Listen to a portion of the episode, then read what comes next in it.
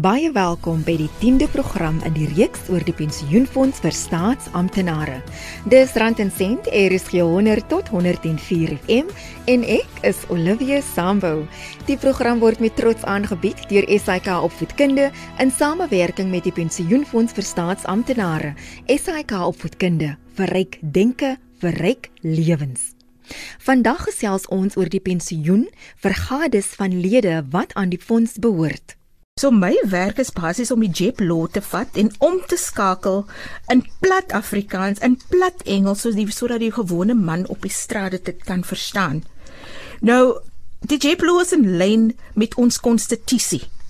Nou sê ek in die konstitusie word verskillende huwelike word geerken jou religious marriages, jou cultural marriages, dit word geerken. So wie is die GEPF om vir jou te sê, "Sorry, jy is nou getroud op daardie manier, ons kan net een persoon betaal." Jy het 5 vrouens, maar ons kan net een vrou betaal. Hoe interessant is dit? So gesels Omilia Hartzenberg, kliëntedienskonsultant van die Pensioenfonds vir Staatsamptenare in die Wes-Kaap. In Suid-Afrika tree paartjies op verskillende maniere in die huwelik. Die mees aanvaarbare verbintenis wat vir jare ook die enigste een was wat deur die wet erken is, is die burgerlike huwelik en dit word gesluit volgens die huwelikswet. As jy in 'n burgerlike huwelik is en jy of jou gade is 'n lid van die pensioenfonds vir staatsamptenare, is daar sekere reëls waaraan jy moet voldoen om in aanmerking te kom vir die pensioenvoordele van die pensioenfonds vir staatsamptenare wanneer jy of jou gade sterf. Die reëls van die fonds sê as daar 'n lewende gade is, soos op dag van afsterwe van my lid of pensionaris, so 'n persoon mag kwalifiseer vir 'n gade pensioen. Indien die persoon vir ons die aansoek indien, niks gebeur outomaties nie. Ongelukkig is daar administratiewe gedeelte wat voltooi moet word, soos die Z143 moet voltooi word. Met hierdie Z143 het ons nodig die doodsertifikaat van my lid of my pensionaris. Ons het nodig die ID van beide lid en gade en dan natuurlik die trousertifikaat. Nou die trousertifikaat as dit deur die hof gedoen was, binnelandse sake, het ons hierdie BE dokument nodig. Dan is daar ook die gebruikelike Afrika huwelik wat volgens die gebruikswette en kultuur van swart Suid-Afrikaners plaasvind. Die tipe huwelik word volgens die Wet op Erkenning van Gebruikelike Huwelike van 1998 erken en bied beskerming aan veral vrouens. Die wet het op 15 November 2000 in werking getree. As jy volgens die gebruikelike Afrika huwelik getroud is en jy of jou gade 'n lid is van die pensioenfonds vir staatsamptenare, kan jy aansoek doen vir die pensioenvoordeel, maar weer eens moet jy die regte dokumentasie hê. Indien dit labola is en dit is waar ons baie baie moeilikheid optel, dat daar nie labola briewe is nie dat daar geen bewyse is dat hierdie twee persone getroud is op die kulturele manier nie. So wat nou?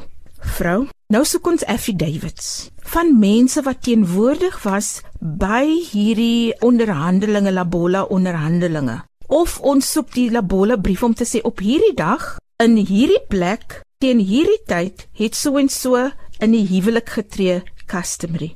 So of ons het affidavits nodig van al twee partye se familie en vriende om te sê hulle was teenwoordig by die onderhandelinge of by die seremonie of wat ook al. Die plek, die tyd, die datum moet in die dokumentasie wees. So indien ons al die bogenoemde dokumente het plus 'n bankvorm 'n Z894 dan is die vorm reg om ingehandig te word in orde vir ons om 'n gade pensioennommer te skep en die gade 'n maandelikse pensioen te betaal. Hierdie maandelikse pensioen wat ons dan aan die oorblywende gade betaal, is 'n lewenslange pensioen. En die oorblywende gade is byvoorbeeld 40 of 50 jaar oud, dan moet ons daai persoon 'n maandelikse gade pensioen betaal tot en met die dag daardie persoon afsterf. Hou in gedagte, elke jaar April maand gaan hy verhoog word. Soos ons normale pensionarisse se maandelikse pensioen verhoog word elke jaar April maand. Gebruikelike huwelike volgens die Moslem of Hindu godsdienstige gebruike vind ook plaas in Suid-Afrika met moslim huwelike wat gedeeltelik deur die wet erken word, maar daar is nie 'n spesifieke wet wat moslim huwelike erken nie. Die pensioenfonds vir staatsamptenare maak egter voorsiening vir iemand wat volgens die moslim geloof getroud is. As dit deur um religious marriages was, dan het ons nog steeds die trousertifikaat nodig wat die imam uitgereik het. Nuwe wetgewing is geïmplementeer ten opsigte van die pensioenvoordeel. My lid werk vir die fonds of dit nou man of vrou is en hy of sy tree af. Dan moet hy of sy 'n aftree keusevorm voltooi. En op hierdie aftree keusevorm kan hy of sy voorsiening maak vir sy gade 50 of 75% van sy of haar maandelikse pensioen indien hy of sy tot sterwe kom as 'n pensionaris. Nou doen ons die gewone berekeninge. En 'n standaard uitdienstrede, my lid maak voorsiening vir die gade 50%. So indien die maandelikse pensioen R10000 is van my lid wat aftree en hy kom tot sterwe en sy pensioen is miskien nog maar R12000. Nee, dit is nou in die toekoms. Maar hy het nog steeds 50% voorsiening gemaak vir sy gade. Dan gaan sy gade basies 50% van die R12000 kry as 'n maandelikse pensioen. Of my persoon by aftrede kan sê ek wil nie hê my my gade moet 50% kry want ek is baie baie lief vir my vrou. En sy moet meer geld kry as ek tot sterwe kom. Dan kan hy vir die opsie 75% gaan. En ons gaan dan basies vir die lid vra goed en wel die reëls van die fonds maak voorsiening dat jou vrou lief 75% van jou maandelikse pensioen kan kry. Maar wat gaan jy opoffer? Gaan jy 'n kleiner enkelbedrag neem in orde om voorsiening te maak vir 'n groter maandelikse pensioen vir jou gade? Of gaan jy 'n kleiner maandelikse pensioen neem om voorsiening te maak vir 'n gade? Nou 1 Oktober 2019 het ons bietjie ons vormpies gaan verander hierdie retirement choice form waarby jy nou voorsiening maak vir 'n groter pensioen vir 'n verhoogde pensioen vir jou gade, gaan ons nou 'n aktuariële berekening doen na gelang die inligting van jou gade. Die ouderdom van jou gade is nou volgens die nuwe wetgewing 'n bepalende faktor wanneer berekeninge gedoen word. Het jy al gehoor van 'n bentien? Verbeel jy nou vir jou Oumilie het 'n bentien en Oumilie is 65 jaar oud. Oumilie kies 75% van die maandelikse pensioen wat my bentien moet kry. Dis nou Kevin, hè? En ek kom tot sterwe. Sê 2-3 jaar na die tyd. Dan moet Kevin 75% van my maandelikse pensioen kry. En onthou, hy is maar net 30 jaar oud. Onthou ek het vir jou gesê, die gade pensioen gaan 'n lewenslange pensioen wees wat Kevin gaan kry en dit is nou op 'n verhoogde persentasie. So deel van ons van die Raad van Trustees se werk is basies om die befondsingsvlak op die regte plek te hou. Aan die reëls van die fonds moet altyd 90% befonds wees. So, wat gaan die GPF nou doen? Omelia sit 'n aftreevormpies in en my Benten is 30 jaar oud, so hulle gaan nou eers vir my 'n berekening gee om te sê Omelia, Jy wil mos nou hê Kevin moet 75% kry. En ons het nou vir jou die twee berekeninge gedoen om te sê maandelikse pensioen wat verminder gaan word of enkel bedrag wat verminder gaan word na gelang van Kevin se ouderdom. My gade se ouderdom gaan bepaal watter reduction gaan plaasvind in my enkel bedrag of maandelikse pensioen. Wanneer ek aan hierdie kwotasie gekry het, moet ek dit aanvaar enkel bedrag of maandelikse pensioen en dit terugbesorg aan die GEPF in orde om jou eis te finaliseer. Dit was Omelia Hartzenberg van die Pensioenfonds vir Staatsamptenare. In baie gevalle trou mense weer wanneer hulle gade sterf. Ek wil by Omelia Hartzenberg van die Pensioenfonds weet of gade steeds in aanmerking kom vir die geld wanneer hulle weer in die huwelik tree. Weet jy omdat dit 'n lewenslange pensioen is, kan ons nie die pensioen stop as my gade trou nie in die gade pensioen ontvang nie. Hy of sy kry die pensioen tot en met haar of sy dood. Nou wanneer hy of sy tot sterwe kom, stop die pensioen, want ons verantwoordelikheid stop by my lid se gade, nie by die gade se gade nie. Is daar gevalle wanneer iemand nie in aanmerking kom nie? In die geval van die gade pensioen. Wel die wetgewing is baie baie duidelik. Dit sê ek gaan dit nou in Engels sê want dit klink baie lekker in Engels, nee. If there is a surviving spouse as on date of death, he or she may qualify. Ek dra van amper geen gevalle kennis waar dit nie betaal is nie. Want as jy kan bewys jy het 'n trousertifikaat, jy het jou Lebola brief, jy het jou uh, Muslim trousertifikaat en dit word geerken deur ons konstitusie, hoe kan ons jou weier? Ek kan aan een spesifieke geval dink waar 'n pensionaris vandag getrou het met iemand, was op 'n siekbed en so voort en die volgende dag het my lid afgesterf of pensionaris afgesterf. Dit is debatteerbaar. In sulke gevalle mag dit verwys word na ons regsafdeling of forensiese afdeling en die besluit word daar geneem. Gelukkig is dit nie my besluit nie. Dit is nie vir my om te verklaar nie. As die familie na my toe kom en sê Omelia, dit is die omstandighede bla bla bla. Onthou ons is administrasiemaatskappy. Geef ons die nodige dokumentasie. Ek sal dit aanstuur na ons forensies en ons regsafdeling toe en hulle gaan 'n ondersoek loods en natuurlik 'n besluit maak Verskillende departemente van die regering werk saam om te verseker dat die pensioen aan die regte persoon betaal word. Dit kan daartoe lei dat 'n fout in een departement 'n administratiewe nagmerrie kan veroorsaak in 'n ander departement wat verrekkende gevolge kan hê vir die persoon wat daardeur geraak word. Jy het seker gehoor al al die bedrog wat plaasvind by Home Affairs. Mense wat daar kom en nou hoor hulle is getroud. Daar was hulle nog nooit getroud nie. Ek het hulle pensionaris gehad wat ons van ons instapdiensentrum gebruik gemaak het. Hy vat eers aan my arm en ek dink toe wat my keer hierdie oom en hy sê vir my Omelia, "Kan jy voel ek vat aan jou?" Ek sê ja oom. En hy sê vir my, "Ja, maar kyk hier, Home Face ek is dood. Iemand het vir hom gaan doodmaak op Home Face." En sy pensioen was gestop. Hy sê, "Sien jy, Amelia, voel jy, Amelia? Ek sê vir jou, dit het darm vir my gekos om rond te bel en rond te hardloop om die nodige klerings te kry om hierdie man weer lewendig te verklaar, want hy het voor my gesit en ek het hom gevoel en ek het hom gesien. So hierdie dinge gebeur. En wie is ek om te sê iemand het vrot gepleeg? Wie is ek om te sê iemand het die verkeerde knoppie gedruk? So gesels Omelia Hartzenberg van die Pensioenfonds vir Staatsamptenare.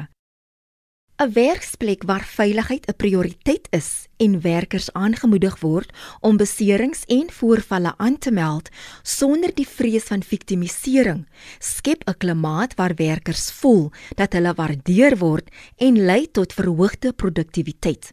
Elsə Marie van der Walt is die nasionale bestuurder van veiligheid en gesondheid by SARE Synergy in Pretoria.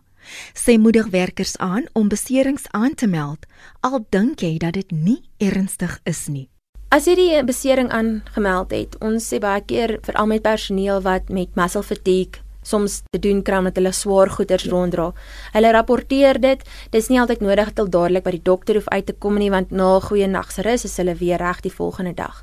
Maar ons hou kennis daarvan dat wanneer dit wel gebeur dat die persoon skielik een oggend nie kan opstaan nie, dat daai verslae dan kan ingedien word om te sê dat dit was gerapporteer, dis wat ons probeer doen het om dit in die tussentyd te verbeter of te verlig en dan word die dokumentasie ingevul vir wanneer hy werklik moet dokter toe gaan. Maar as dit 'n geval is van dat die werkgewer wil nie intree nie, dan raak dit 'n verantwoordelikheid vir die werknemer om die departement van arbeid toe te gaan en dan word die werkgewer aangemeld.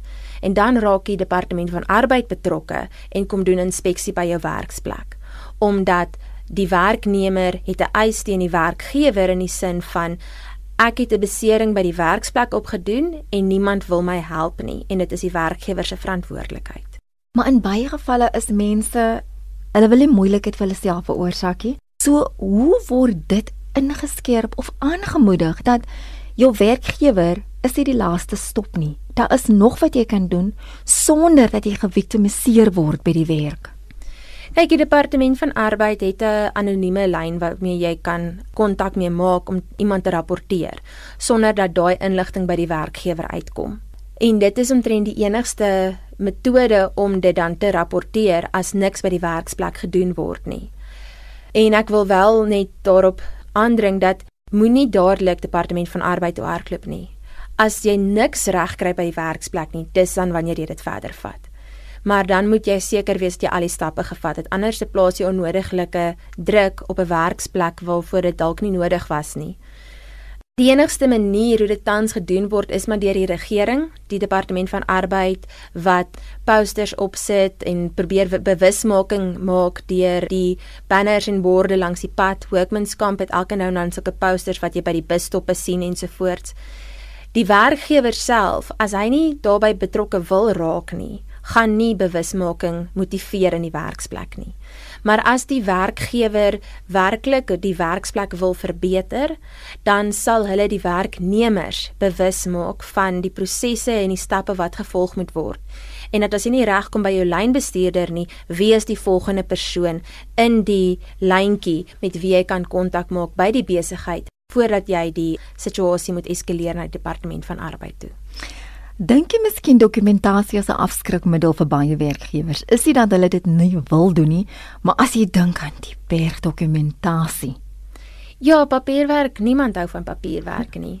Health and safety snaaks genoeg het soveel papierwerk en niemand van ons hou daarvan nie, maar die papierwerk is daar om as bewyse gelewer te kan word wanneer daar ondersoek ingestel is.